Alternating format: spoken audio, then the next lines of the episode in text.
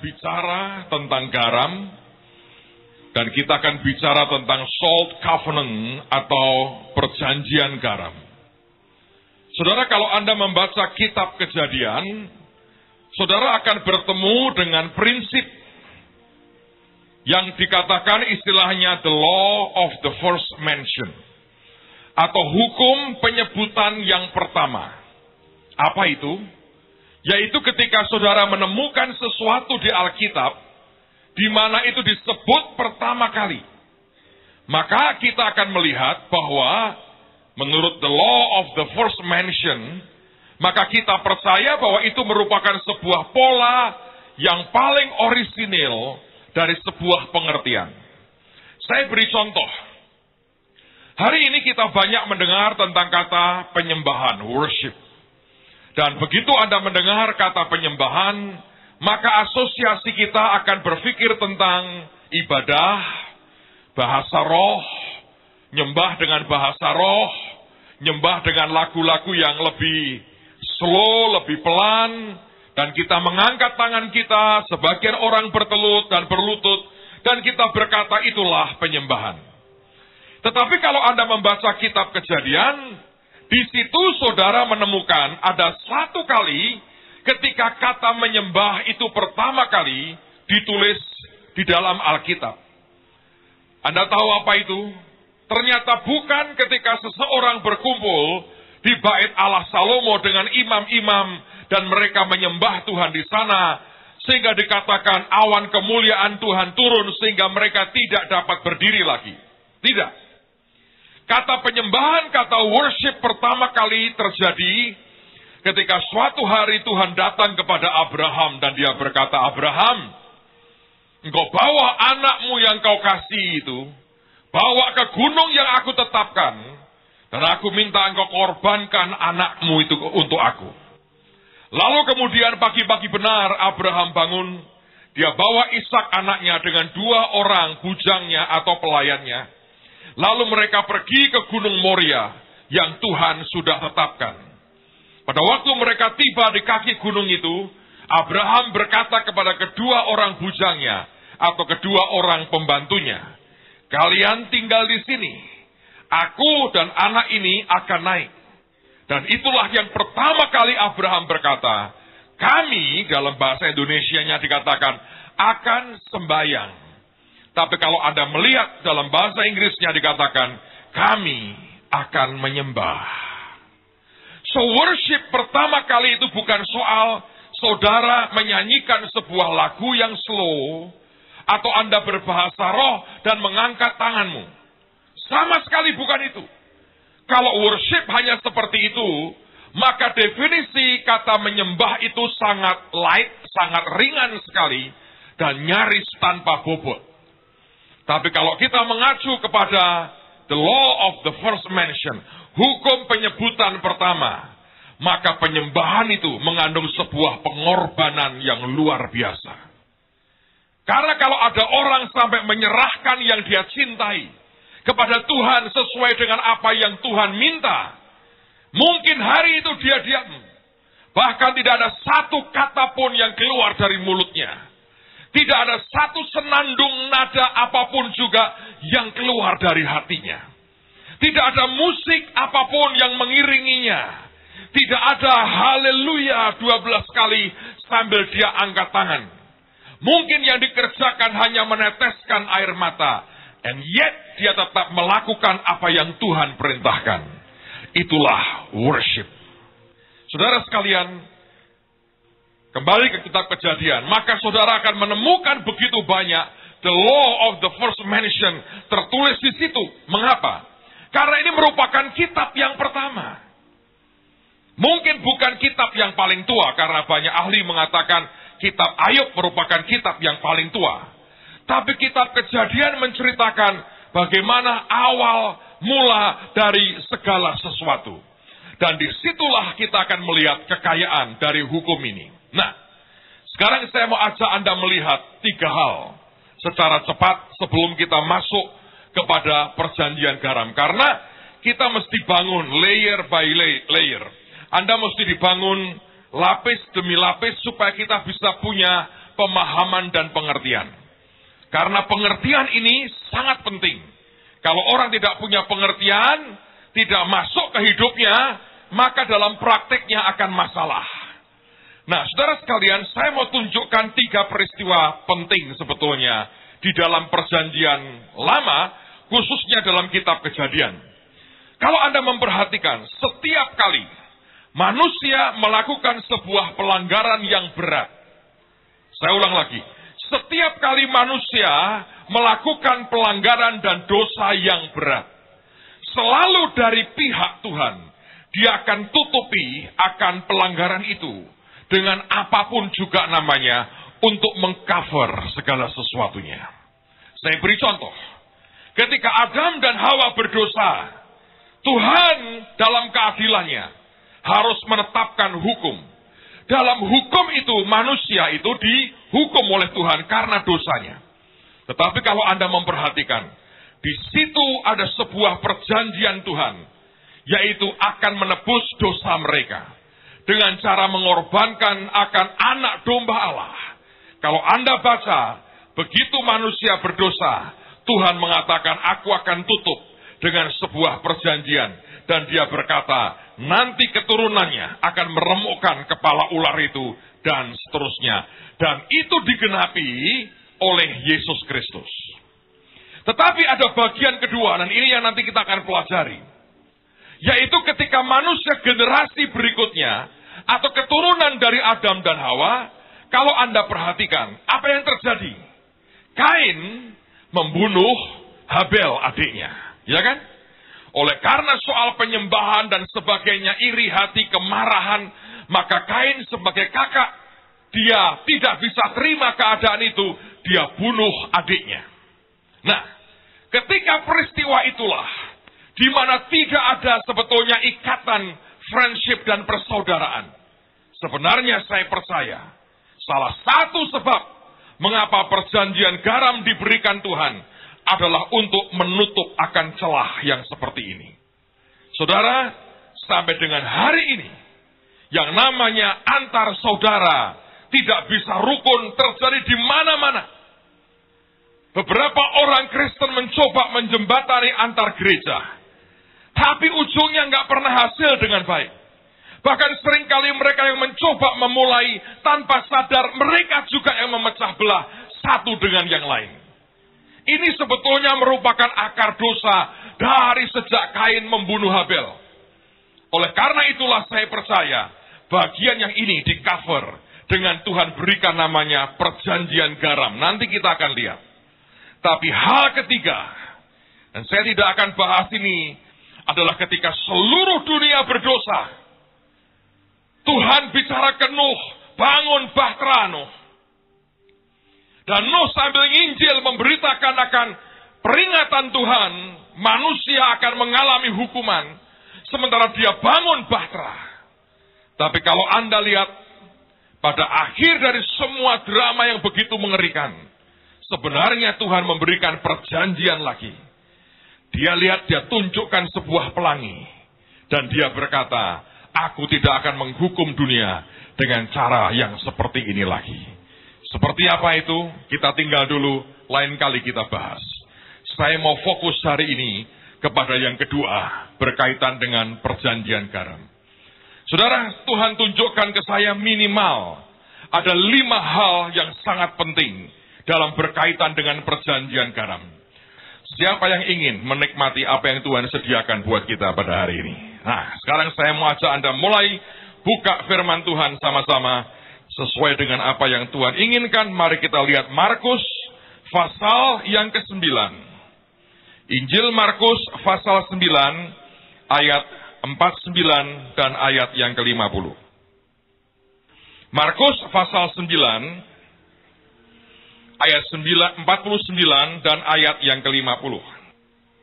Karena setiap orang akan digarami dengan api.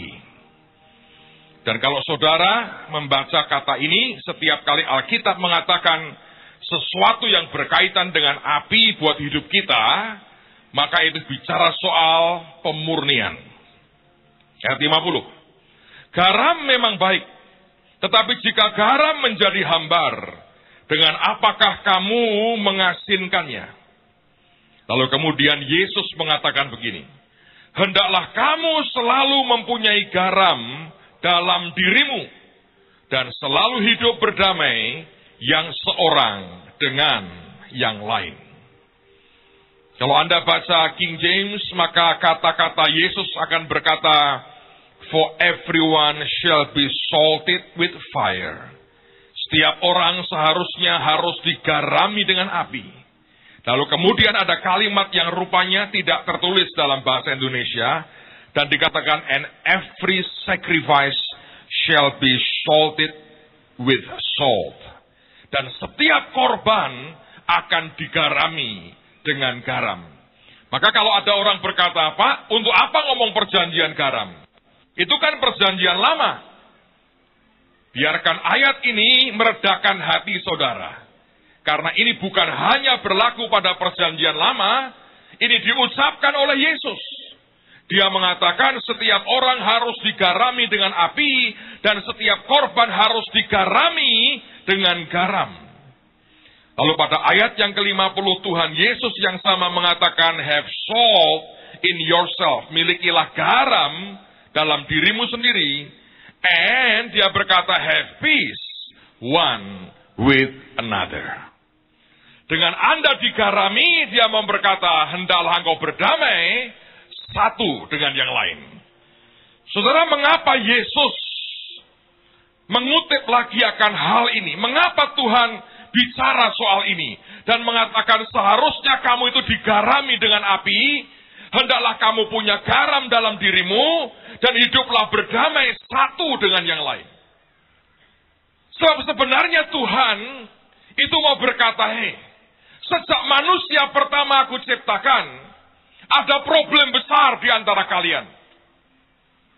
Salah satu problem besarnya adalah satu di antaranya, kita ini adalah orang yang begitu dosa, begitu masuk menguasai kita. Kerjaan kita cuma tidak mau bertanggung jawab. Selalu lempar tanggung jawab dan yang disalahkan orang lain. Ini masalah. Yang pertama waktu Adam itu. Tuhan berkata, kamu melanggar perintahku ya. Harusnya kalau mau selesai cepat berlutut ampuni aku Tuhan. Itu jauh lebih baik. Dia ngomongnya apa? Ini loh perempuan yang kau berikan padaku. Itu yang memberikan buah itu kepada gua. Sekarang saya mau tanya. Berdasarkan kesimpulan Adam, yang salah siapa? Yang pertama wanita itu, yang kedua siapa? Tuhan tuh. Benar gak? Yang memberikan ini siapa? Kan aku tadinya tidur dengan enak. Aku kan tidak butuh ini. Gua berteman dengan anjing, dengan monyet, dengan jerapah, dengan kudanil, marmut. Tiba-tiba muncul yang begini. Namanya wanita. Bahasa Inggrisnya woman. Gara-gara ini. Saudara, ini kan kerjaan apa? Ngelempar tanggung jawab toh. Dan sampai hari ini, persoalan itu kan begitu. Begitu ada masalah, kue kan. Ya kamu kan, ini nih ribut. Sekarang lihat lagi Kain dan Habel. Oh memberi korban. Memberi korban kan. Yang satu Alkitab berkata, Habel dan persembahannya berkenan di hadapan Tuhan. Jadi yang berkenan itu bukan hanya persembahannya, Habel dan persembahannya. Menurut saya kalau Anda itu berkenan di hadapan Tuhan, apa pun yang kau kerjakan engkau tahu itu harus berkenan di hadapan Tuhan. Sesuatu yang memperkenan hati Tuhan. Tapi kain dan persembahannya ditolak oleh Tuhan. Sebab Tuhan tidak berkenan. Nah begitu tahu dia tidak berkenan, Tuhan gak terima korbannya. Adiknya diterima korbannya. Apa yang dia buat? Dia bunuh adiknya. Hari ini sebetulnya kalau Anda perhatikan ini. Dalam hidup orang, manusia, dan anak-anak Tuhan juga. Setiap kali Anda melihat orang lain lebih diberkati. Setiap kali melihat yang lain lebih berkenan kelihatannya. Setiap kali melihat yang lain anugerah Tuhan turun begitu kuat. Kita ini ada nafsu untuk menciderai. Baru-baru saya ngobrol dengan Pak Hengki. Dia semangat cerita tentang basket, tentang sepak bola. Dan dia berkata begini, Pak, kenapa ya? Kalau kita main itu kok yang lain itu bernafsu ngabisin kita. Ininya main, ininya main, semua ini kacau begitu rupa. Tapi karena anugerah Tuhan, menang kita. Masuk surat kabar beberapa hari ini. Nah, saya berkata ya itu memang zaman dulu begitu. Rohnya kain itu begitu. Lihat orang lebih berkembang, muncul nafsunya. Untuk apa? Habisi. Saudara itu masa lalu. Sebab di dalam pekerjaan Tuhan, Yesus itu mengandalkan unity dalam hidup kita.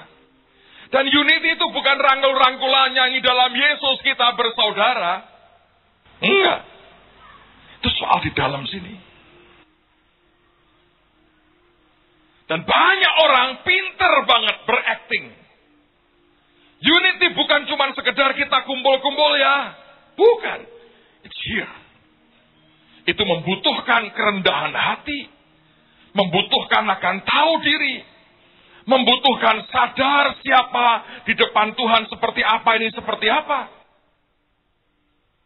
Unity bukan berkata kita semua sama. Tidak, saudara. Ada persoalan lebih serius soal itu. Yaitu di dalam sini. Banyak orang mengejar unity yang palsu. Dan Tuhan tahu hati kita. Semua yang palsu yang di permukaan. Tuhan berkata, jangan tipu aku dengan kepalsuan dalam hati. Nah ini masalah serius. Mengapa? Sebab Alkitab mengatakan Yesus berkata, kalau kamu saling mengasihi, dunia akan tahu bahwa kamu adalah murid-muridku.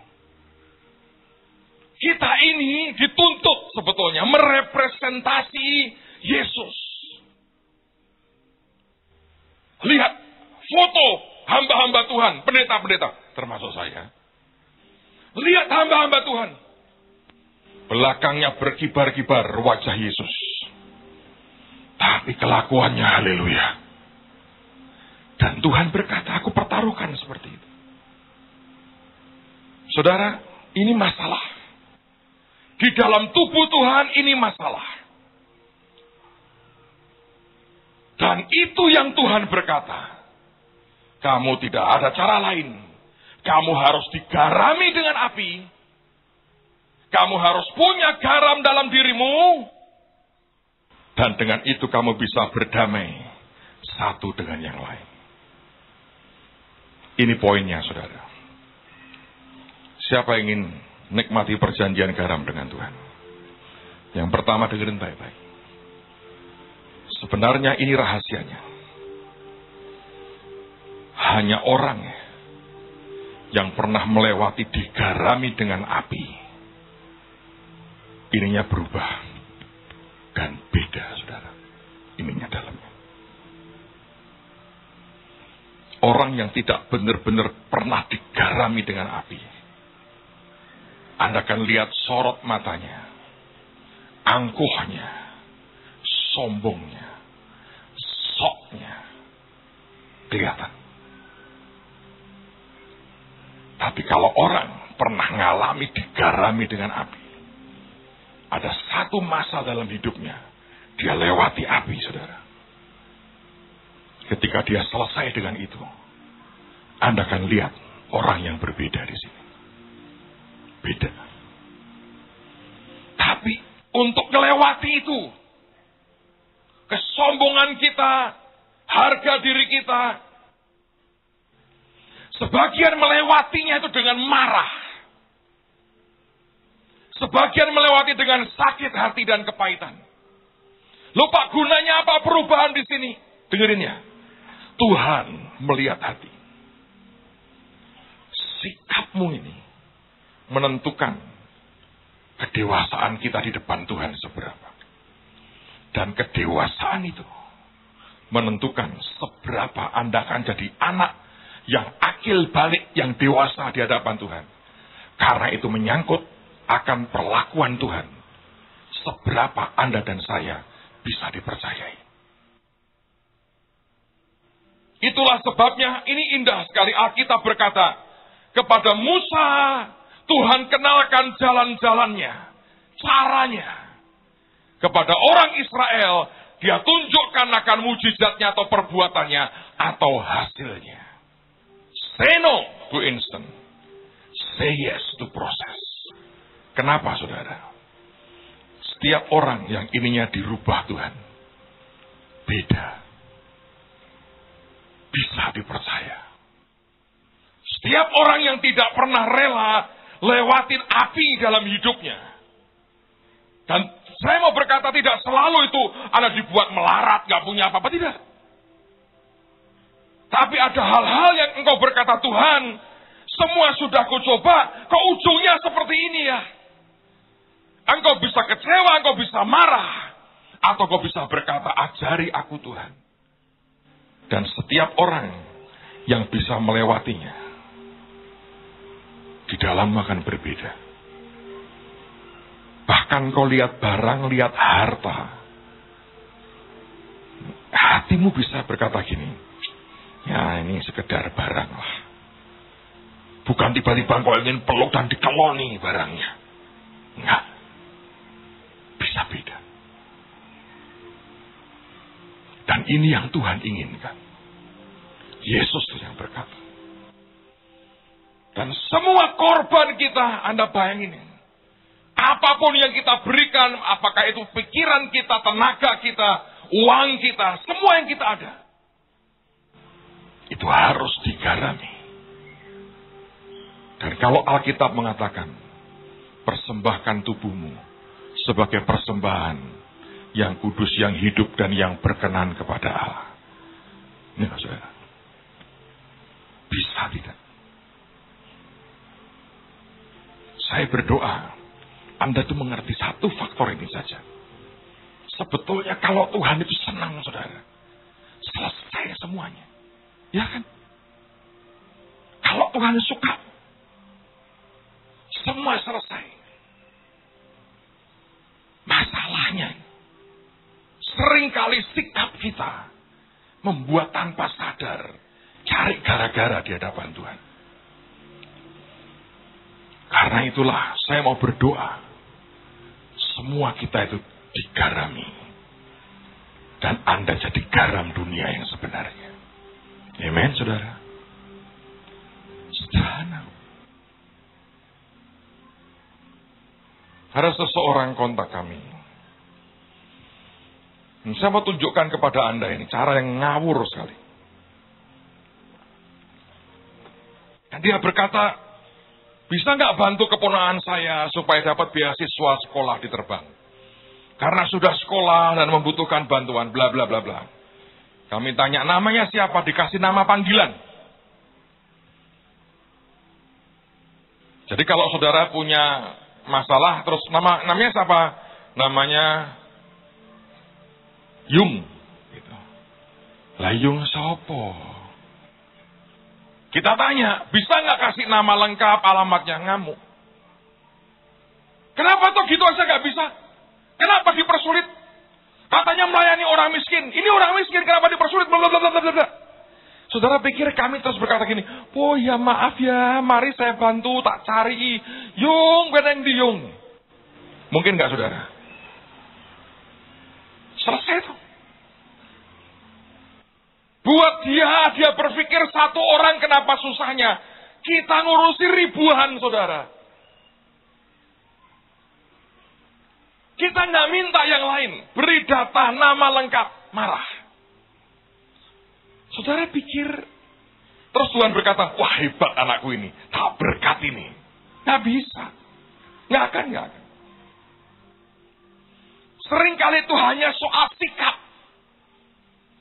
Tapi mendidik sikap kita ini hanya bisa ketika Anda melewati api, Anda jaga sikap hatimu, itu merubah semuanya. Hari ini ada banyak orang ribut, cari berkat.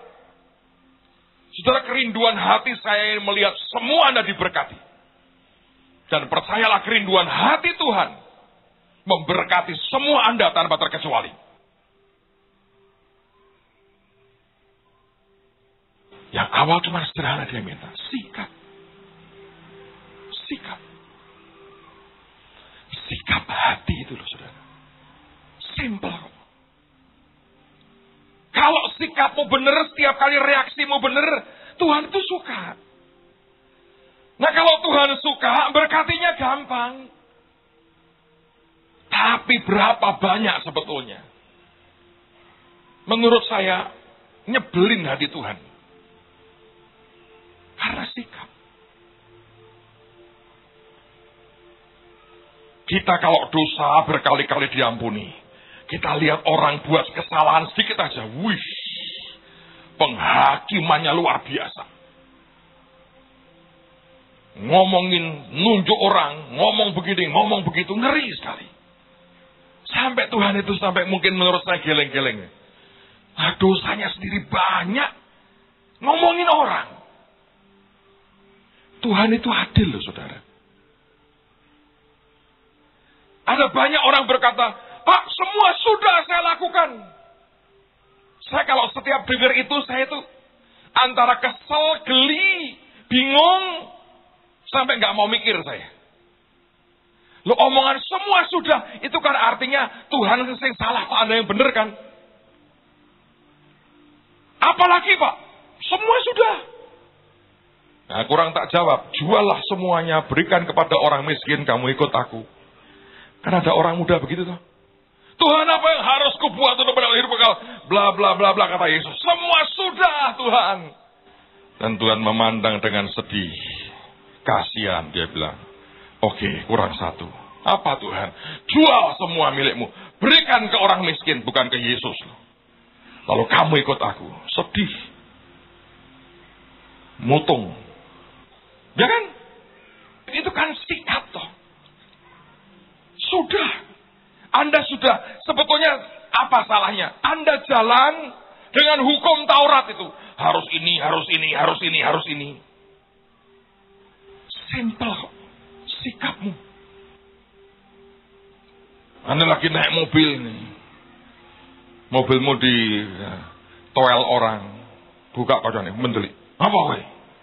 Waduh. Itu bahasa Meksikonya banditos, saudara namanya.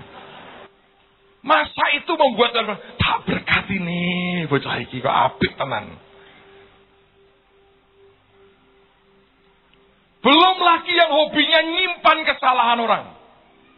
Ambok kuliah sejarah sisan dan arkeologi, saudara. Simpan semua kesalahan orang. Inilah saudara. Tuhan melihat ini masalah besar. Dari sejak Mbah Adam itu. Sudah berkata wanita ini, ya wanita ini podoai. Lah ular ini Tuhan. Ularnya coba diam denger-denger mateng tenan. Kabeh salahku. Punya anak Kain dan Habil. Lawak korban adiknya berkenan. Gampang toh tanya lah. Dik, Kowe kok iso berkenan ngono piye? Lah aku kok kayak ini. Nah nanti adiknya memberitahu toh. Aku memberikan korban begini. Dibunuh. Ini kan sikap yang parah. Dan Tuhan melihat itu. Kalau saudara membaca itu. Di Alkitab banyak sekali cerita seperti ini. Lihatlah Esau dan Yakub di dalam perut mamahnya sudah ribut. Jegal-jegalan. Yang kecil lebih licik. Esau lahir duluan pegangin kakinya. Hai, setelah orang Jawa ya gejrumup toh saudara. Pegangi begitu. ribut. Ambil hak kesulungannya. Marah. Sumpah wahai satu. Aku bunuh adikku. Kabur. Ketemu mertua podo. Banditosnya saudara. Podo ngawuri. Anak mantunya ini dikaryakan habis-habisan. Jadi kerjaannya cuma tipu menipu. Punya anak laki 12. Hampir semua model gawat bener. Satu hari ya punya anak cewek kan anak perempuan ini. Disukai sama orang namanya siapa tuh? Sikem atau siapa tuh. Diperkosa. Udah. Diambil tuh. Sama kakak-kakaknya. Ngomong baik-baik. Orang tuanya itu. Biar anakku kawin lah sama anakmu. Nah ini. Simeon kalau tidak salah dengan Lewi. Ya boleh, boleh, boleh. Tapi begini di keluarga kami itu harus sunat dulu. Nah nggak sunat nggak sah. Oh iya wes sunat itu sunat. Zaman dulu nggak ada laser saudara. Bendu adanya. Syuk, syuk, syuk, syuk, syuk. Bengkak, syuk, bengkak. Bayangin. Nek zaman sekarang seluruh suku sarungan tok gini. Begitu sudah sarungan semua, dibantai. Meh perang piye, saudara? dibunuh semua. Sampai Pak Yakub ini bapak itu sampai prihatin ngamuk loh. Itu kalau nggak Tuhan tolong nggak bisa.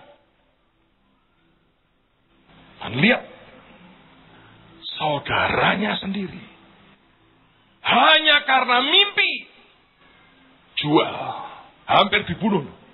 Yusuf itu hampir dibunuh. Ini masalah loh. Lihat lagi cerita tentang Saul dan Daud. Lo cuma ibu-ibu itu supporternya Saul nyanyinya begini. Saul mengalahkan beribu-ribu. Karena ibu-ibu ini mungkin tidak ngerti ada berlaksa-laksa, nggak ngerti. Tapi yang muda mungkin lebih keren. Memang mungkin Daud bunuh lebih banyak. Saul lebih banyak di istana. Tapi Daud mengalahkan berlaksa-laksa. Jadi itu cuma nyanyi saut-sautan. Nesu. Anda tahu nesu? Wah, aku dianggap nggak bisa lebih hebat dari dia ya. Ini masalah. Coba Anda lihat terus terang saya berkata. Masalah gereja dengan gereja. Oh secara teologi. Nah itu hanya masalah iri. Hanya soal persaingan yang menurut saya konyol. Tapi itu masalah. Karena di rumah Tuhan, dengan anak sekian banyak, ribut, pusing. Mosok tak boyong ke surga, wong ribut terus begini. Siapa yang percaya di surga tidak ada air mata dan semuanya damai? Angkat tangan saudara. Siapa yang percaya di surga tidak ada orang nesu dan muring-muring dan misoh-misoh? Coba angkat tangan saudara. Jadi yang begini-begini itu Tuhan itu berkata, ini masalah. Ini masalah. Kadang-kadang cuma sederhana loh. Sederhana. Contoh nih. Pemain keyboard kita mungkin ada 20. Ada 5 nggak pernah dipakai. Ya mungkin karena apa nggak jelas. Bukan karena dimusuhin. Nanti yang nggak dipakai ini bisa ngumpul sendiri. Terus ngomongnya bisa begini. Itu, itu ini gawatnya manusia. Bukan berkata gini, Bo yao, aku ini dipakai. Itu kan selesai kan? Nggak mau. Ngomongnya gini. Kita ini ya, musik kita ini setiap kali kalau ada lagu itu kok aku merindingi merinding kayak ono kuntilanak ya. I, itu itu aneh kan? Apa kaitan kuntilanak dengan jatah main musik? Yang nggak ada. Tapi dia ada-adakan. Terus mulai berkata, ambude menyanyi. Terus mulai berkata gini, wah lah wong modelnya kayak ngono. Makanya aku kemarin lihat di tempatnya Pak Hasto darah berceceran loh. Wah itu pasti ritual darah. Bukan bebek disembelih saudara itu. Bukan ritual darah. Terus berkembang setan itu. Loh setan ki ora doyan demit ora ndulit kata lagu itu. Ini soal masalah orang tidak pernah dimainkan itu aja. Tapi itu tidak pernah dimunculkan, itu dipendam sangat jauh, munculnya lain. Saudara bisa ngerti ya? Dan saya mau berkata demi kasih Tuhan, karena saya ngomong dengan keluarga sendiri. Kita tidak pernah dipanggil ribut dengan siapa pun dalam tubuh Tuhan. Pak diomongi, diam. Nyembah, sukakan hati Tuhan. Tidak ada diomongin mimbar dipakai untuk menghajar orang lain. Tidak usah. Jangan ngentak-ngentak kayak pulsa untuk ngomongin orang lain. Jangan Anda pikir Tuhan Bapakmu di surga bahagia dengan itu. Tidak. Saya berdoa kita jadi umat yang tahu menyukakan hati Tuhan. Amen, saudara. Lihat lagi. Efesus pasal yang keempat. Kalau Anda sudah sampai di Efesus pasal yang keempat, lihat ayat yang ke-28. Orang yang mencuri, janganlah ia mencuri lagi tetapi baiklah ia bekerja keras dan melakukan pekerjaan yang baik dengan tangannya sendiri, supaya ia dapat membagikan sesuatu kepada orang yang berkekurangan. Amen, saudara. Janganlah ada perkataan kotor keluar dari mulutmu. Banyak orang berkata, oh ini ya bahasa Jawanya misoh-misoh pak. Bukan. Bukan hanya itu, itu sudah tingkat paling parah. Kotor itu artinya ya sesuatu yang menurut saya nggak ada gunanya. Tetapi pakailah perkataan yang baik untuk membangun di mana perlu. Supaya mereka yang mendengarnya beroleh kasih karunia. Nah kalau yang mendengarkan Anda bicara terus kepahitan, semua mendengar bicara kepahitan. Ini bukan itu. Karena, kenapa? Apa kaitan dengan Tuhan, Pak? Banyak. Ayat berikutnya. Dan, ini bagian daripada perikop yang sama loh. Janganlah kamu mendukakan roh kudus Allah. Yang telah memeteraikan kamu menjelang hari penyelamatan. Segala kepahitan, kegeraman, kemarahan, pertikaian, dan fitnah hendaklah dibuang dari antara kamu. Demikian pula segala kejahatan. Tetapi hendaklah kamu ramah seorang terhadap yang lain. Penuh kasih mesra dan saling mengampuni. Sebagaimana Allah di dalam Kristus telah mengampuni kamu. Saudara, setiap kali Anda mendapatkan apa pun yang tidak baik, aniaya seperti apa pun. Mulai hari ini berkata, terima kasih Tuhan. Didik aku. Reaksiku tidak mendukakan roh kudus Allah. Sebab kalau roh Tuhan terus didukakan, dia undur dari kita. Saudara tahu apa hebatnya roh kudus? Dengerin baik-baik. Laki-laki the law of the first mention Firman berkata, kejadian pasal pertama, ayat pertama. Pada mulanya Allah menciptakan langit dan bumi. Bumi belum berbentuk, semua masih kosong. Dan Alkitab berkata, dan roh Allah melayang-layang di atas permukaan air. Lalu berfirmanlah Allah, jadilah terang. Terus apa? Terang itu jadi. Kata melayang-layang, salah satu pengertiannya adalah seperti induk ayam mengerami telurnya. Roh Kudus itu dengan firman adalah kombinasi menjadikan semua firman jadi daging, impian jadi kenyataan. Anda punya telur, ayammu bertelur, tidak dierami, tidak diberi panas yang cukup, bisa menetas nggak? Bisa. Anda beli telur ayam, Anda masukkan di kulkas. Netas nggak? Nggak bisa. Anda punya, Anda perlu roh kudus untuk menetaskan semua firman jadi daging. Kalau kita ya tahu bagaimana menghandle saudaramu, termasuk yang paling nakal dan paling liar dan paling nyakiti. Roh Kudus suka dengan itu.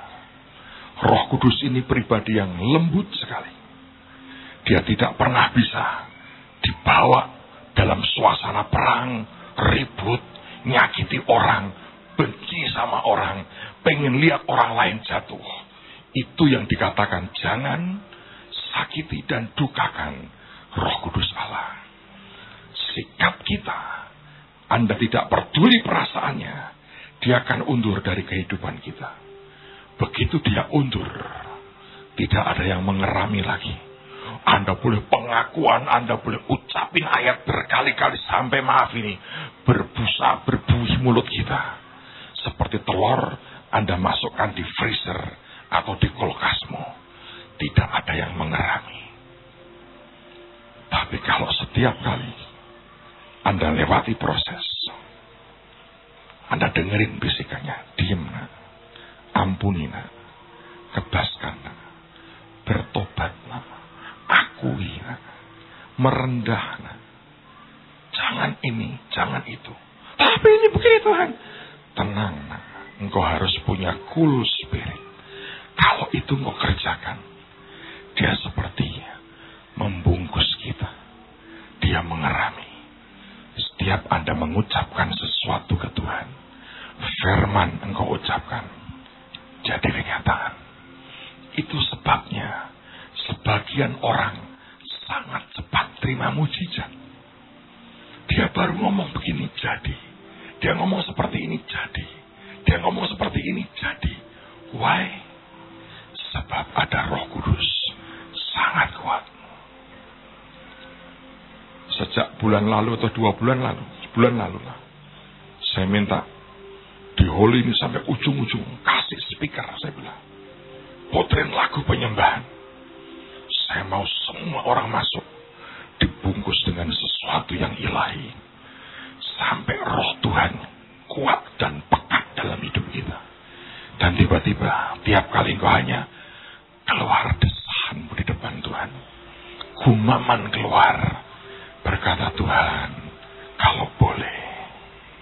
Jadi saudara, saya berkali-kali sampai di airport, saya bilang, aduh, aku pengen maju ini pesawatku. Aku pengen maju. Saya masuk ke dalam. Hanya bilang, Tuhan, kalau boleh, jangan nunggu lama-lama di airport. Bawa aku ke pesawat sebelumnya. Dalam nama Yesus. Dan selalu ada pintu terbuka. Apa pun ceritanya macam-macam. Yang jelas saya bisa masuk. Saya duduk, pintu ditutup close, pesawat terbang. That's one of the reason. Orang berkata, why? Ada roh Tuhan yang melayang-layang. Seperti induk ayam. Firman dierami. Semakin pekat firman Tuhan diucapkan akan jadi dalam kehidupan Anda dan saya. Makin cepat, makin cepat, makin cepat. Siapa yang ingin tidak ada penundaan dalam hidup kita, jangan dukakan roh kudus Allah. Hati-hati. Dengan saudaramu seiman, dengan anak-anak Tuhan yang lain, jangan keluar pikiran jahat. Jangan. Anda harus percaya ada Tuhan yang melihat semua kita. Hidup berdamai satu dengan yang lain. Pak, diomongin orang. Doain. Kebasin. Angkat di depan Tuhan. Jangan tercemar. Jalan terus. Anda akan lihat kemuliaan Tuhan dinyatakan luar biasa. Yang percaya katakan amin. Yang kedua, saudara. Baru kedua ini.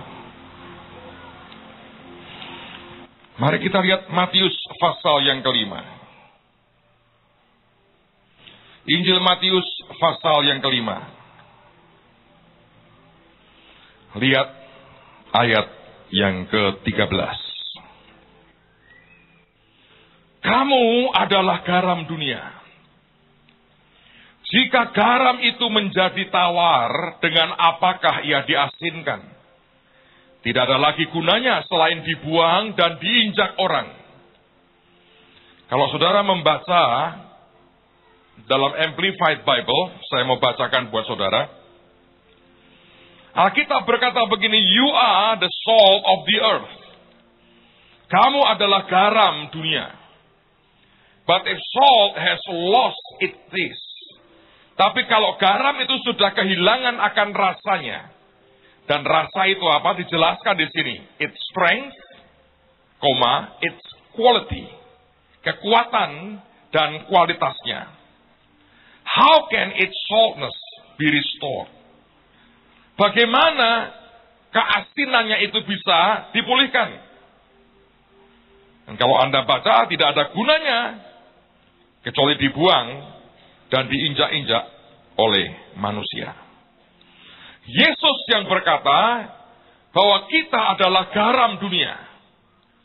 Dan dalam artian itu dia mengatakan you have strength and quality.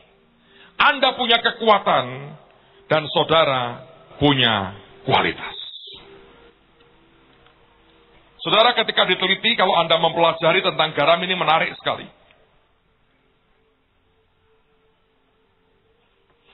Dulu orang berkata garam itu ya buat rasa supaya masakan kita enak. Yang kedua orang mengatakan garam itu supaya awet. Ada ikan ya ikan asin, ada telur telur asin. Ada sayur, sayur asin. Itu tahan lama karena garamnya punya fungsi untuk membuat lebih tahan lama. Tapi sekarang orang menemukan fungsi garam itu bukan hanya dua itu. Yang sejauh saya pahami dari apa yang saya baca di artikel-artikel yang ada. Hari ini orang mengatakan garam itu punya fungsi lebih dari 140 ribu fungsi garam. Jadi betul kata Tuhan tuh. Engkau adalah garam dunia, engkau punya kekuatan dan engkau punya kualitas. Siapa yang setuju dengan perkataan Tuhan? Angkat tanganmu di hadapan Tuhan. Kalau Anda tidak setuju, Anda menghina Yesus. Maka dengarkan baik-baik. Kalau ada orang tidak mengerjakan apa pun buat Tuhan dan kerajaannya dan sekitarnya, saudara membiarkan dirimu seperti garam yang ujungnya hanya diinjak-injak orang. Hari ini ada banyak orang tersinggung dengan perlakuan orang lain terhadap dirinya. Pak, harga diri saya diinjak-injak. Anda sering dengar orang ngomong itu kan? Pak, harga diri saya ini Pak tidak lagi dihargai. Saya merasa diinjak-injak, Pak. Berarti Anda garam yang sudah kehilangan kekuatan dan kualitasmu.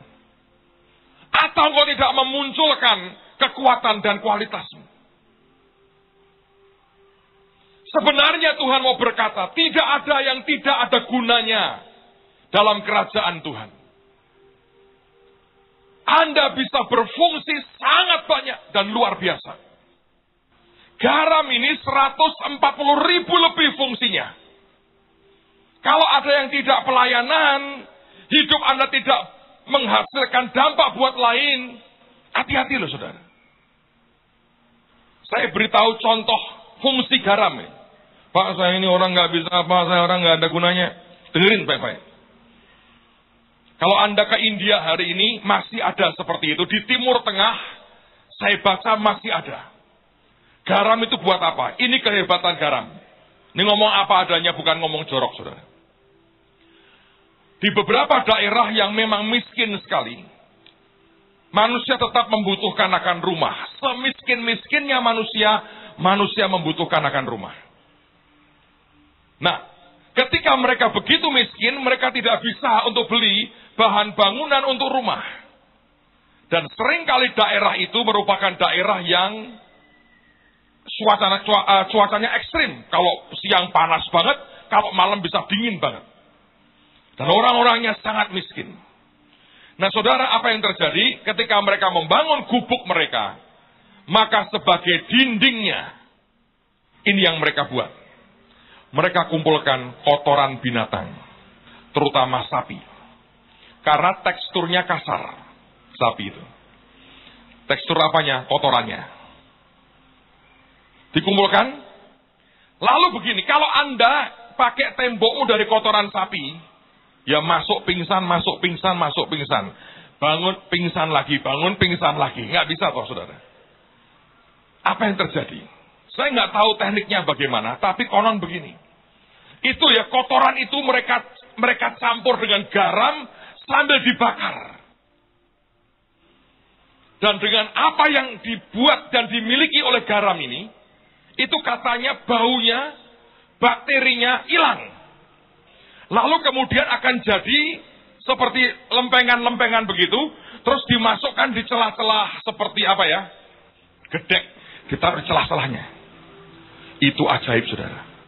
Kalau panas siang itu jadi adem. Kalau pas dingin jadi anget kotoran itu bisa dirubah jadi sebuah keajaiban. Kalau itu saja Tuhan berkata, bisa mengubah memberkati orang hari ini. Kalau ada yang berkata, saya nggak bisa apa-apa.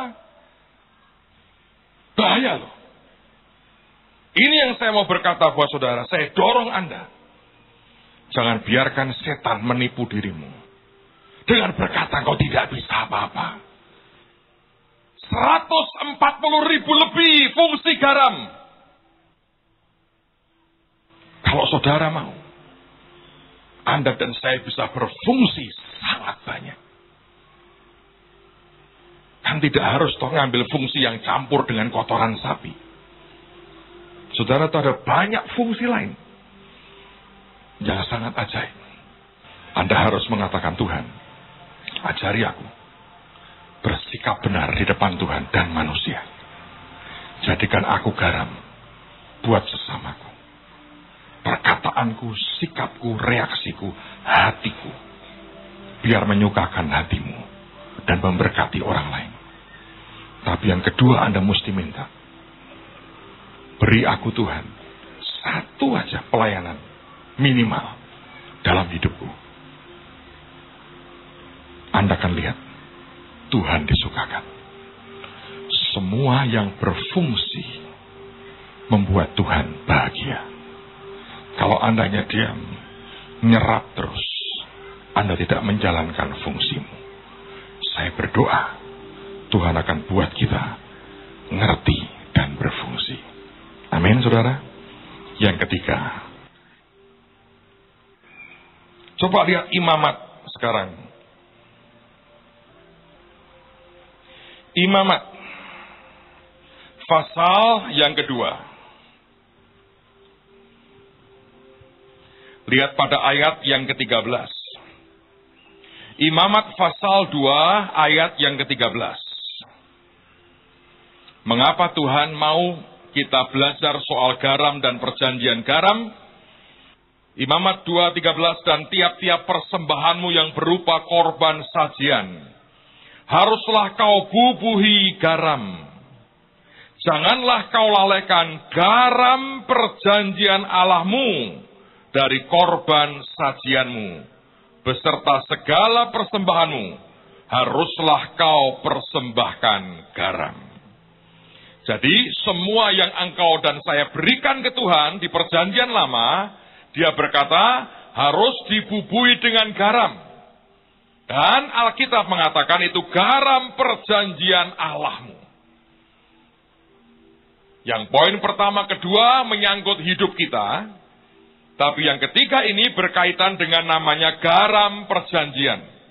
Atau perjanjian garam. Nah, sekarang kita lihat dalam kitab bilangan. Kalau Anda sudah sampai di bilangan, lihat pada pasal yang ke-18. Sekarang perhatikan ayat yang ke-19 dan ayat yang ke-20. Segala persembahan khusus, yakni persembahan kudus yang dipersembahkan orang Israel kepada Tuhan. Jadi ini Tuhan ngomong kepada imam besar Harun dan untuk keluarganya. Saudara siapa yang percaya kita adalah imamat yang rajani, angkat tanganmu. Berarti ini ayat untuk Anda dan saya. Saya ulang lagi. Ini untuk imam-imam daripada raja di atas segala raja. Semua kita adalah imamat yang rajani. Bukan hanya berlaku buat seperti imam perjanjian lama, tapi berlaku buat semua kita. Yang percaya katakan amin. Segala persembahan khusus, yakni persembahan kudus yang dipersembahkan orang Israel kepada Tuhan, aku berikan kepadamu dan kepada anak-anakmu laki-laki dan perempuan bersama-sama dengan engkau. Itulah suatu ketetapan untuk selama-lamanya. Berarti ada bagian yang dipersembahkan buat Tuhan, ada jatah Tuhan, ada bagian Tuhan yang Tuhan berikan kepada kita, yaitu para imamnya, imam-imam dari kerajaan Tuhan. Nah itu apa? Dijelaskan lagi. Itulah suatu perjanjian garam untuk selama-lamanya di hadapan Tuhan bagimu serta bagi keturunanmu. Saudara Anda harus mengerti Berkat yang Tuhan berikan buat Anda dan saya itu bukan sebetulnya milik saudara. Tapi Tuhan memberikan bagiannya untuk Anda dan saya. Dan Anda harus percaya, kita punya Tuhan yang maha besar dan maha luar biasa.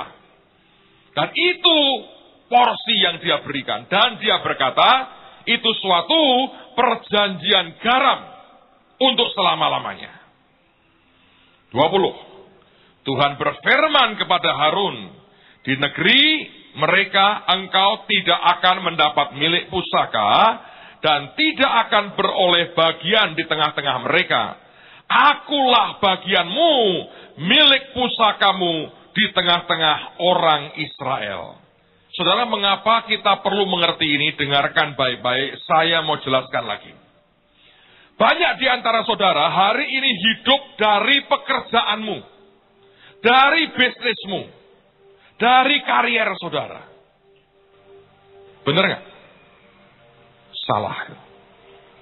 Anda tidak hidup dari bisnis, dari pekerjaan, dari karier, atau dari sumbangan orang tuamu. Anda hidup dari Tuhan. Ini beda-beda kalau Anda misalnya pegawai bank atau pegawai kantor, Anda bagian, saudara akan berkata begini, oh ya gaji saya 2 juta Pak. Maka Anda hidup dalam keterbatasan 2 juta itu. Benar nggak? Tapi kalau Anda bisa masukkan di dalam, ini masalah iman, saudara. Kalau engkau bisa masukkan sampai di dalammu, bahwa hidupmu bukan dari pekerjaan, bukan dari kantor, bukan dari dagang. Hidupku dari Tuhan. Maka Anda boleh kerja dengan gaji 2 juta, tapi kau bisa lihat nanti. Tiap bulan yang masuk ke hidup saudara, itu bukan 2 juta. Saya mau cerita dua. Yang pertama dialami oleh hamba Tuhan dari Surabaya, teman baiknya Pak Yusak Cipto. Satu hari Pak Yusak itu naik mobil dengan temannya ini di Surabaya dan mereka pelayanan. Selesai pelayanan pulang nginep di rumah temannya ini. Temannya ini komplain dengan Pak Yusak. Kalau kamu itu lo enak, dia bilang. Lo enak gimana? Kamu tinggal di kota, kamu khotbah di kota. Persembahan berkatmu persembahan kota. Lah aku tinggal di kota, khotbah di desa-desa. Persembahanku, persembahan kolektor gereja desa. Cuma berapa ribu rupiah. Untuk beli bensin aja nggak cukup. Gimana? Salahmu. Lo kenapa? Siapa ngajari kamu hidup dari kolektor gereja desa? Kamu juga sadis. Sudah cuma berapa ribu, tiket lo kamu buat tampani sisan. Lah karena aku butuh buat makan. Ya tidak cukup. Ya memang nggak cukup. Lah harusnya gimana? Hidup dari Tuhan. Bukan dari kolektor gereja. Dan itu buka matanya. Wah aku salah ya. Sejak itu berubah. Bisa keluar negeri diberkati Tuhan. Bisa beli mobil baru. Kenapa? Tetap khotbah di desa-desa. Sejak hari itu dikasih persembahan. Oh enggak pak, maaf. Saya yang memberi bapak. Benar kan saudara? Hidupnya dari mana? Tuhan. Contoh kedua ini anak saya sendiri. Itu rumah siapa yang memberi? Tuhan, saudara. Nah, tapi kan ada bapak eh, ya memang. Bapak di sini ada bapak lagi di sana. Nek bapak ini kurang kuat, bapak sana maha kuat. Lah bapak musinten. Siapa yang punya bapak di surga angkat tangan? Lah kok modelnya kok ngelontok gitu? Ya saya anak bapak di surga nggih nyuwun sakolasan itu ya Pak. Mohon dermane mugi-mugi Gusti berkahi panjenengan. Nah kalau nek anak bapak di surga. Masa begitu Saudara? Nanti saya tunjukkan satu ayat lagi, dahsyat sekali. Tuhan berkata, semua persembahan khusus aku berikan kepadamu Harun dan kepada anak-anakmu selama-lamanya turun temurun. Dan Tuhan berkata ini adalah perjanjian garam. Salt covenant. Yang berlaku selama-lamanya. Nanti kamu nggak dapat bagian tanah. Aku bagianmu Harun. Keren toh? Tuhan bagian kita. Anda dan saya adalah imamat rajani. Ini soal iman loh yang di sini. Kalau Anda kerja harus kerjalah. Nggak apa-apa orang nggak kerja nggak dapat makan. Tapi jangan batasi Tuhan. Anda mesti bongkar yang di sini. Hidupku bukan dari gaji perusahaan. Hidupku bukan dari hasil penjualan tokoku. Hidupku dari anugerah Tuhan. Dari dia. Masih nggak percaya tunjukin lagi. Mari kita buka Esra Kitab Esra. Esra pasal yang keempat. Ayat yang keempat belas. Ini ada orang-orang sebetulnya melaporkan orang Yahudi ke raja. Nah, dia menggunakan sebuah istilah. Dan memang istilah itu berlaku sampai hari ini itu berlaku. Dan saya tunjukkan satu kata, saya harap ini akan membongkar banyak hal dalam cara berpikir kita. Esra pasal 4 ayat yang ke-14. Sekarang, oleh karena kami mempunyai hubungan dengan raja, dan tidak patut bagi kami melihat raja kena celah, maka oleh sebab itu kami menyuruh orang memberitahukan hal itu kepada raja. Alkitab menggunakan kata kami mempunyai hubungan dengan raja. Nah kalau Anda lihat dalam terjemahan lain sebetulnya istilahnya bagus. Saya baca ya, perhatikan baik-baik.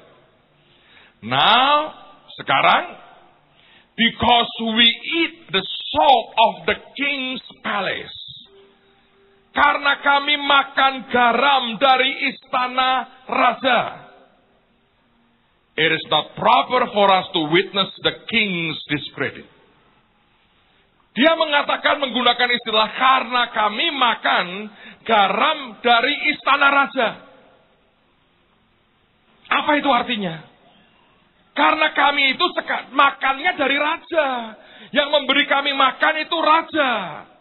Dan dia menggunakan istilah makan garam dari istana raja.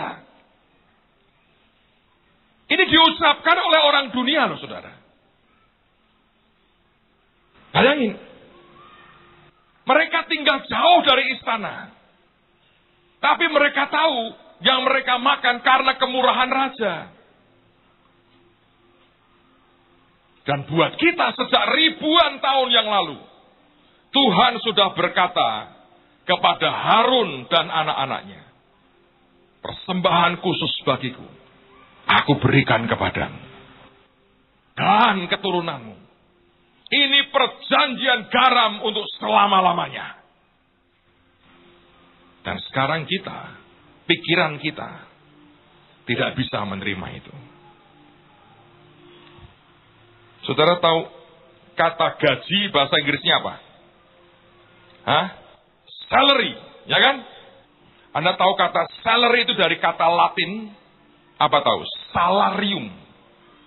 Kata salarium itu artinya uang garam. Ayo. Orang dunia berkata, saya terima salary. Dari kata Latin salarium.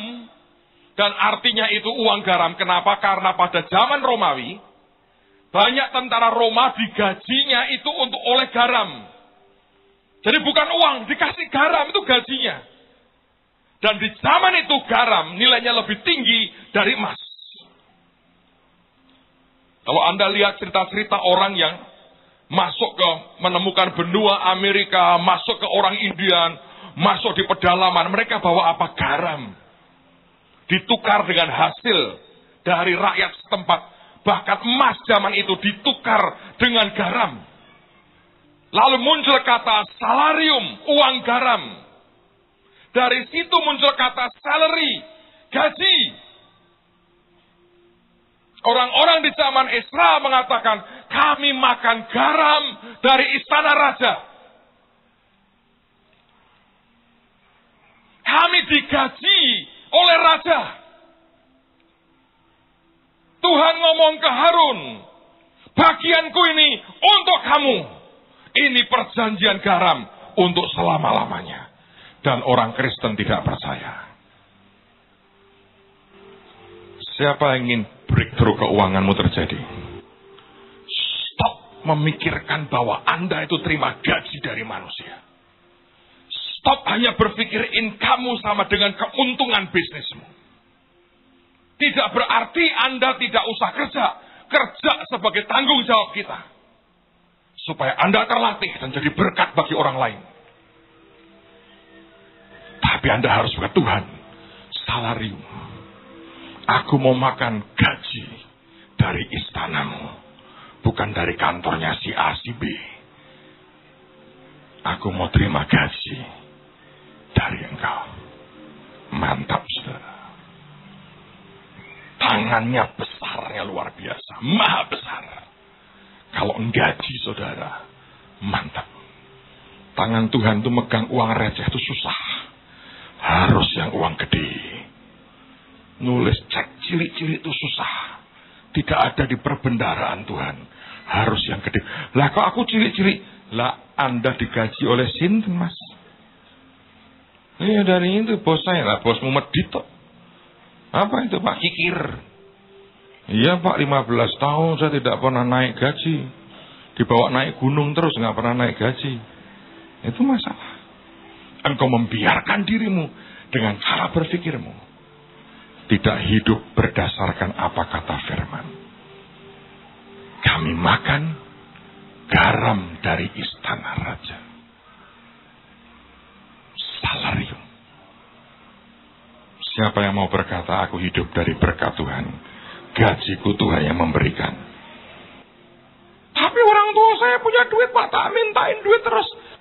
Belajar beriman. Engkau akan diberkati Tuhan luar biasa. Amin saudara. Salarium. Saya berdoa. Anda nangkap ini. Yang kelima. Maaf, yang keempat. Dan ini nanti yang harus Anda ucapkan juga. Sekarang mari kita lihat lagi masih di perjanjian lama. Dua raja-raja.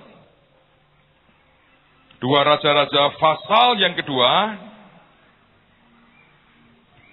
Lihat pada ayat yang ke-19.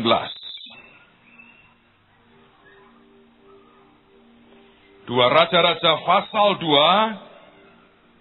ayat yang ke-19. Berkatalah penduduk kota itu kepada Elisa, cobalah lihat, letaknya kota ini baik seperti tuanku lihat. Tetapi airnya tidak baik, dan di negeri ini sering ada keguguran bayi. Jawabnya, ambillah sebuah pinggan baru bagiku, dan taruhlah garam ke dalamnya. Maka mereka membawa pinggan itu kepadanya. Kemudian pergilah ia ke mata air mereka dan melemparkan garam itu ke dalamnya serta berkata, Beginilah firman Tuhan, telah kusehatkan air ini, maka tidak akan terjadi lagi olehnya kematian atau keguguran bayi. Demikianlah air itu menjadi sehat sampai hari ini. Sesuai dengan firman yang telah disampaikan siapa? Elisa. Saudara, garam ini simbol sebuah kehidupan baru. Yang mati, yang membuat gugur, yang tidak bisa matang, harus selesai. Di Amerika saya bermimpi. Saya pernah cerita ke saudara. Saya melihat kota yang sudah hancur sekali. Dan Tuhan berkata kepada saya, taburi garam nak. Saya lakukan di mimpi itu. Dan saya lihat kota itu berubah luar biasa. Dan itu yang membuat Tuhan berkata, ajari soal perjanjian garam. Taburi garam, saudara. Dan kita berkata, tidak akan mandul lagi. Tidak ada keguguran lagi. Semuanya matang. Banyak orang alami gini, Pak ini hampir, hampir, hampir hilang. Pak ini hampir, hampir hilang. Hampir nggak jadi. Terus dia itu ngamuk. Semua sudah, apalagi kekurangan saya. Nah itu. Hari ini Anda harus dengan iman berkata. Selesai. Ucapkan dan berkata, semua berkat yang tidak matang, yang gugur di tengah jalan, yang tidak jadi, yang mati. Tapi kita mau berkata, ada orang berkata, Pak, lokasi saya ini bagus, kerjaan saya ini bagus, tapi nggak pernah terjadi sesuatu. Hari ini kita berkata, stop, saudara. Dalam nama Tuhan Yesus. Kalau hidupmu juga jadi garam. Tapi kalau Anda adalah garam dunia, apa pun yang kau sentuh akan jadi. Engkau berkata, aku sentuh ini Aku garam dunia. Jadi Tuhan, aku makan dari garam istana raja di atas segala raja. Salarium. Aku terima gaji dari Bapak, bukan dari manusia. Anda lihat sesuatu. Anda berkata, aku garam dunia. Jadi, jadi saudara. Tidak ada lagi keguguran, tidak lagi kegagalan. Semua berhenti. Dan Anda terima sesuatu yang baru, yang real, dan yang kuat dari Tuhan. Yang percaya katakan haleluya. Terakhir, apa hebatnya sebuah perjanjian garam? Saya baca satu ayat cukup panjang. Lihat di dua tawarih. Dua tawarih pasal yang ke 13. Dua tawarih 13. Lihat pada ayat yang pertama. Dua Tawarikh 13 ayat yang pertama. Saudara berkaitan dengan perjanjian garam ini benar loh. Ini Roh Kudus ngomong lagi. Beritahu lagi nak. Kalau mereka berfungsi sebagai garam dunia. Poin pertama, poin kedua Anda kerjakan dalam hidupmu. Berdamai dengan semua orang kalau itu bergantung kepadamu. Jangan mendukakan roh kudus Allah dengan semua perkataan dan sikap kita. Yang kedua, Anda sentuh orang lain. Anda harus berfungsi, lakukan bagianmu sebagai garam. Anda terangi orang lain. Hidupmu adalah garam dunia. Apa pun disentuh jadi. Kalau itu dari Tuhan, akan luar biasa. Lakukan bagian kita jadi garam dunia. Apa pun kau sentuh akan luar biasa. Tidak ada kemandulan, tidak ada kematian. Semuanya akan baik dan membawa kemuliaan bagi nama Tuhan. Yang percaya katakan amin. Dua Tawarikh 13 ayat yang pertama. Kita akan selesaikan dengan ini. Lalu kemudian kita akan doa sama-sama. Dalam tahun ke-18 zaman Raja Yerobeam menjadi rajalah Abia atas Yehuda. Jadi kerajaan sudah pecah. Sepuluh suku ikut Yerobeam. Dua suku, Benyamin dan Yehuda ikut keluarga Daud. Tiga tahun lamanya ia memerintah di Yerusalem, nama ibunya ialah Mikhaya, anak Uriel dari Gibea. Dan ada perang antara Abia dan Yerobeam. Abia memulai perang dengan pasukan pahlawan-pahlawan perang yang jumlahnya 400 ribu orang pilihan. Sedangkan Yerobeam mengatur barisan perangnya melawan dia dengan 800 ribu orang pilihan pahlawan-pahlawan yang gagah perkasa. Lalu Abia berdiri di atas gunung Semaraim yang termasuk pegunungan Efraim dan berkata, Dengarlah kepadaku Yerobeam dan seluruh Israel. Tidakkah kamu tahu bahwa Tuhan Allah Israel telah memberikan kuasa kerajaan atas Israel kepada Daud dan anak-anaknya untuk selama-lamanya dengan suatu perjanjian garam? Tetapi Yerobeam bin Nebat hamba Salomo bin Daud telah bangkit memberontak melawan tuannya Petualang-petualang dan orang-orang Dursila berhimpun padanya. Mereka terlalu kuat bagi Rehabiam bin Salomo yang masih muda dan belum teguh hati dan tidak dapat mempertahankan diri terhadap mereka. Tentu kamu menyangka bahwa kamu dapat mempertahankan diri terhadap kerajaan Tuhan yang dipegang keturunan Daud. Karena jumlah kamu besar dan karena pada kamu ada anak lembu emas yang dibuat Yerobeam untuk kamu menjadi Allah.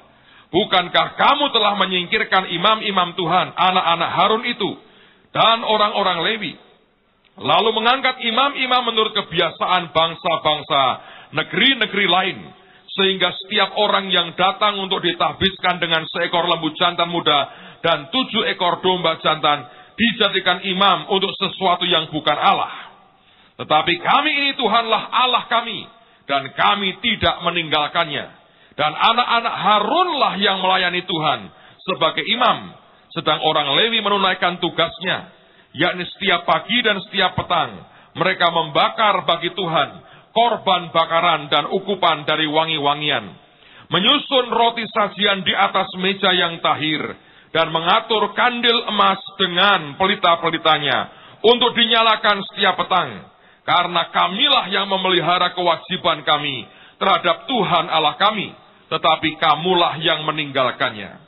Lihatlah dari pihak, lihatlah pada pihak kami Allah yang memimpin. Sedang imam-imamnya siap meniup tanda serangan terhadap kamu dengan nafiri isyarat-isyarat. Hai orang Israel, jangan kamu berperang melawan Tuhan Allah nenek moyangmu, karena kamu tidak akan beruntung. Tetapi Yerobeam mengirim suatu pasukan penghadang yang harus membuat gerakan keliling supaya sampai di belakang mereka. Sehingga induk pasukannya berada di depan Yehuda dan pasukan-pasukan penghadang di belakang mereka. Ketika Yehuda menoleh ke belakang, lihatlah, mereka harus menghadapi pertempuran dari depan dan dari belakang. Mereka berteriak kepada Tuhan, sedang para imam meniup nafiri, dan orang-orang Yehuda memekikkan pekik perang. Pada saat orang-orang Yehuda itu memekikkan pekik perang, Allah memukul kalah Yerobeam dan segenap orang Israel oleh Abia dan Yehuda. Orang Israel lari daripada di depan Yehuda, tetapi Allah menyerahkan mereka ke dalam tangan Yehuda. Abia dengan laskarnya mendatangkan kekalahan yang besar kepada mereka. Dari orang Israel mati terbunuh 500 ribu orang pilihan. Demikianlah orang Israel ditundukkan pada waktu itu. Sedang orang Yehuda menjadi kokoh karena mereka mengandalkan diri kepada Tuhan Allah nenek moyang mereka. Abia mengejar Yerobeam dan merebut daripadanya beberapa kota, yakni Betel dengan segala anak kotanya, Yesana dengan segala anak kotanya, dan Efron dengan segala anak kotanya Tak pernah lagi Yerobeam mendapatkan kekuatan di zaman Abia. Tuhan memukul dia sehingga ia mati. Saudara tahu, satu hari perang, setengah juta mati. Itu rekor tertinggi dalam perang sepanjang segala zaman sampai zaman modern. Oh Pak, bagaimana dengan Hiroshima dan Nagasaki? Itu kan dibomnya bukan karena prajurit, saudara. Itu rakyat dibom. Tapi pertempuran tentara dengan tentara, satu hari mati setengah juta orang. Ini peristiwa tertinggi dalam sejarah dunia. Dari dulu sampai hari ini, ini merupakan korban yang paling tinggi. Mengapa? Yang diucapkan Raja Abia adalah ada perjanjian garam antara Daud dengan Tuhan turun-temurun. Ngerti saudara? perjanjian garam ini sebenarnya memberikan sebuah otoritas penuh kepada Tuhan untuk berkata, aku jadi pembelamu. Amen, saudara. Kalau Anda melihat perjamuan misalnya, itu kan ada nanti seperti apa ya, cuka atau apa yang dicelup. Ada sawi pahit sebetulnya di situ. Ya kalau Anda lihat itu di awal itu bukan hanya roti anggur. Tapi mereka makan pasca itu ada sawi pahit. Di dalam itu, kayak supnya gitu itu, itu ditaruh garam saudara. Karena di dalamnya ada perjanjian garam. Dan dengar baik-baik saudara. Setiap kali Yesus memecah roti, dari depan banyak orang, semua yang ikut dengan dia, ketika dia pecah roti, dia berkata, "Aku tuan rumah." Saudara, Yesus berkata, "Lakukanlah ini sebagai peringatan akan aku." Setiap kali Anda dan saya mecahkan roti, makan tubuh Tuhan, minum darahnya Engkau sebetulnya berkata Tuhan, aku masuk di rumahmu. Aku masuk di dalam engkau. Di timur tengah sampai dengan hari ini. Anda harus mengerti, kalau seseorang diterima masuk ke rumah orang, maka tuan rumah itu bertanggung jawab. Bahkan berani korbankan apa pun dan nyawanya. Demi tamunya. Pak, dari mana kita mengerti? Baca di Alkitab. Ketika Tuhan kirim beberapa orang malaikatnya masuk kota Sodom. Begitu mereka masuk kota. Tiba-tiba Lot yang di gerbang karena dia penatua kota menyambutnya. Dan dia berkata, ayo masuk ke rumahku. Sodom itu bejat. Homoseksnya mengerikan dan menjijikan. Malaikat itu cakep. Tidak ada malaikat jelek, cakep. Mereka masuk ke rumah Lot. Dan orang-orang melihat, wih cakep. Tampilannya laki, cakep. Digedor rumah lo, gedor. Baca di Alkitab. Mereka berkata, lo suruh keluar, bawa keluar tamu-tamumu. Supaya kami pakai. Itu homoseks. Makanya ada kata sodomi. Dari kota Sodom. Saudara tahu, Lot tuan rumah. Dia nggak bisa dengan otoritas sebagai penatua berkata, lu keluar. Nggak bisa. Tinggalkan rumahku. Nggak. Terlalu mengerikan. Masa yang datang itu mengerikan. Apa yang dibuat Lot? Lot tidak berdaya. Tidak punya kekuasaan. Dia hanya bisa tawarkan. Dia berkata apa? Aku punya anak gadis dua. Pakai aja. Belum kawin. Aku berikan ke kalian. Lakukan apa pun yang kamu mau. Sampai seperti itu. Lot memang tidak berdaya. Sehingga dia hanya bisa tawarkan anaknya. Tapi itulah tanggung jawab tuan rumah. Anda dan saya. Tuhan beri perjanjian garam. Dan perjanjian baru. Bayangin saudara. Perjanjian garam tidak pernah dihapus oleh Tuhan. Perjanjian baru melengkapi, menyempurnakan semua. Saya membayangkan ini yang terjadi kita dengan semua masalah kita.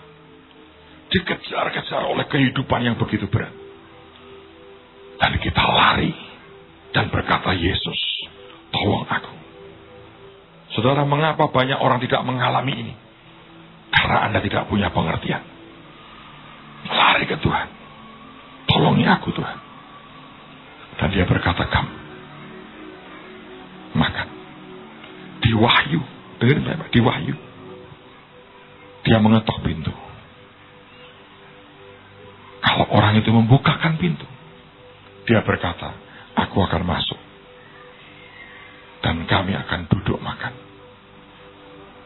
Pada waktu dia berkata begitu, persis seperti dia Emmaus. Dia masuk, dia bukan sebagai tamu. Dia duduk sebagai tuan rumah. Dia pecahkan roti. Anda dan saya yang percaya kepada Yesus Engkau lari ke Tuhan. Dan dia berkata, makan minum. Dan tiba-tiba setan mengejar kita. Dia gedor pintunya Tuhan. Dia berkata, keluar. Aku mau tuntut engkau. Saudara tahu apa yang terjadi? Tuhan tidak seperti Lot yang kemudian gemetar. Yesus akan berkata, tenang Aku yang keluar. Dia keluar. Gedor, dadar, dadar. Yesus bukain pintu. Dan begitu mau gedor lagi, pintu terbuka. Yang nongol Tuhan Yesus. Hehehe. Jelek. Ngapain sini? Enggak sih Tuhan, cuman iseng serasa pura-pura ya. Jangan berani muncul lagi tampang jelekmu di depanku. Dia anak-anakku, tinggal di dalam aku. Tinggal di dalam aku. Tinggal di dalam aku. Aku yang sudah bayar. Jangan kau tagih apa pun lagi. Sudah aku lunasi semua. Ya tapi kan sok tidak tapi-tapi. Gua cekik mati lo katanya. Pergi. Ya, ya, ya, ya. Selama engkau tinggal di dalam dia, engkau Tuhan.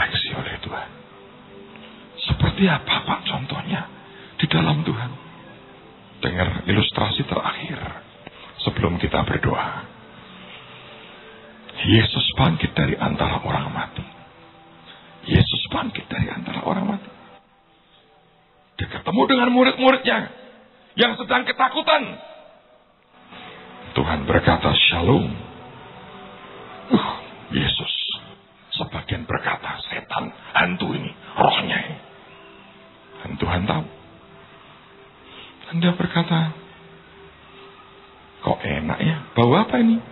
Oh, ikan goreng. Dia makan ikan goreng. Ini bukan ikan yang bangkit dari antara ikan mati loh saudara. Ini iwak mati tenan. Bener, iwak, ikan mati. Ikan goreng. Dia makan ikan goreng. Makan? Terus, sudah percaya? Wes ya? Dia pergi. Ke mana saudara? Hilang. Apa itu artinya? Tuhan lewat tembok. Ikan goreng masuk di perut Yesus. Tidak pernah Alkitab berkata. Maka ketika Yesus melewati tembok. Yesusnya lewat iwak gorengnya. Pluk jatuh. Karena ini bukan ikan goreng kemuliaan. Enggak. Ikan gorengnya tetap ikut dia. Masuk keluar tembok. Naik ke surga. Dia bawa ikan gorengnya sampai ke surga. Entah kalau hidup lagi saya nggak tahu di surga. Nggak ada cerita di Alkitab. Siapa yang percaya Anda lebih ajaib dari ikan goreng? Coba angkat tangan. Dan Tuhan berkata, in Christ Jesus. Di dalam Kristus Yesus. Tembok dia lewati. Karena engkau di dalamnya, engkau melu-melu nembus tembok. Tidak ada yang bisa menghalangi kita. Dan itu membuat sebuah perjanjian kekal antara Tuhan dengan kita. Yang percaya katakan amin. Saya berdoa tidak ada lagi orang yang hidup dengan cara berpikirnya sendiri. Mari pegang setiap perkataan Tuhan dalam kehidupan kita. Tuhan mau Anda jadi berkat yang luar biasa. Bukan orang-orang yang terpuruk yang tidak bisa apa-apa. Engkau adalah garam dunia. Dalam hidup kita ada perjanjian garam. Kita masuk di dalam Tuhan. Tidak ada yang bisa menghalangi kita. Siapa yang percaya kita terima mujizatnya? Amin. Semua kegagalan, semua kemandulan, semua keguguran berhenti. Dalam nama Tuhan Yesus. Mari katakan sama-sama di dalam nama Yesus. Aku terima perjanjian garam yang Tuhan berikan dalam hidupku. Hidupku. Ini hidup. Bukan karena pekerjaanku atau bisnisku atau gajiku, tapi aku digaji dari kerajaan Tuhan. Aku terima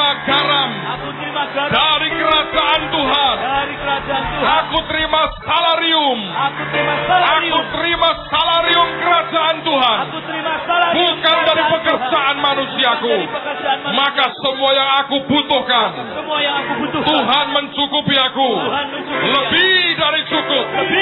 Dia memberkati aku. Berkelimpahan. Dalam anugerah Tuhan. Aku terima perjanjian garam. Akulah garam dunia. Apa Apa pun yang ku sentuh. Jadi tahir. Berhasil. Berbuah. Dan membawa kemuliaan bagi nama Tuhan. Dalam nama Yesus. Tuhan. Aku taburi. aku tabur Apa pun yang aku sentuh hari ini. aku sentuh Pekerjaanku. pekerjaanku Berhasil. berhasil Tidak ada kegagalan. tidak ada kegagalan Tidak ada kemandulan. tidak ada kemandulan Yang ada keajaiban Tuhan. keajaiban Semua Tuhan berbuah. semua berbuah Sempurna. Sempurna. Bagi kerajaan Bagi Tuhan. Tuhan. Aku di dalam Kristus. aku di dalam Kristus Aku di dalam Kristus. di dalam nama Tuhan Yesus. Perjanjian garam. Buat aku dan keluargaku. Nama Yesus. dalam nama Yesus Maka ini jadi Tuhan sempurna dalam hidupku. Aku taburkan semuanya sempurna, sempurna, sempurna. Semuanya jadi untuk kemuliaan nama Tuhan. Ayo semua bahasa roh sambil Anda berdoa. Hirasyata karaba. Buah doa yang kuat, doa yang kuat. Hirne santa karamata sikere meta karalama. Hina harasukono sikara namata sikere kata kolomo. Mota sini kana rahata kaya nama hasikere mato kolomata. Doa, doa, doa, doa, doa. Ini kata sakare mata soto karala mata. Taruh garam itu, taruh garam itu. Doa, doa, doa, doa, doa. Ada perjanjian garam dalam hidupku. Sikara nama soto karala mata sekirene. Untuk sikara mata kurus santa karala mata kaya. Sunto karena masona karala mata karama. Mente kurus sikara lama sokoro mata kasih. Mantakarala semua keguguran, semua kemandulan, semua kematian, semua kerugian, semua kehancuran berhenti dalam nama Yesus. Aku berkata berhenti dalam nama Tuhan Yesus. Dirasakara mata kasih. Aku percaya jadi dalam nama dalam Yesus. nama Yesus Yang percaya berkata, Amin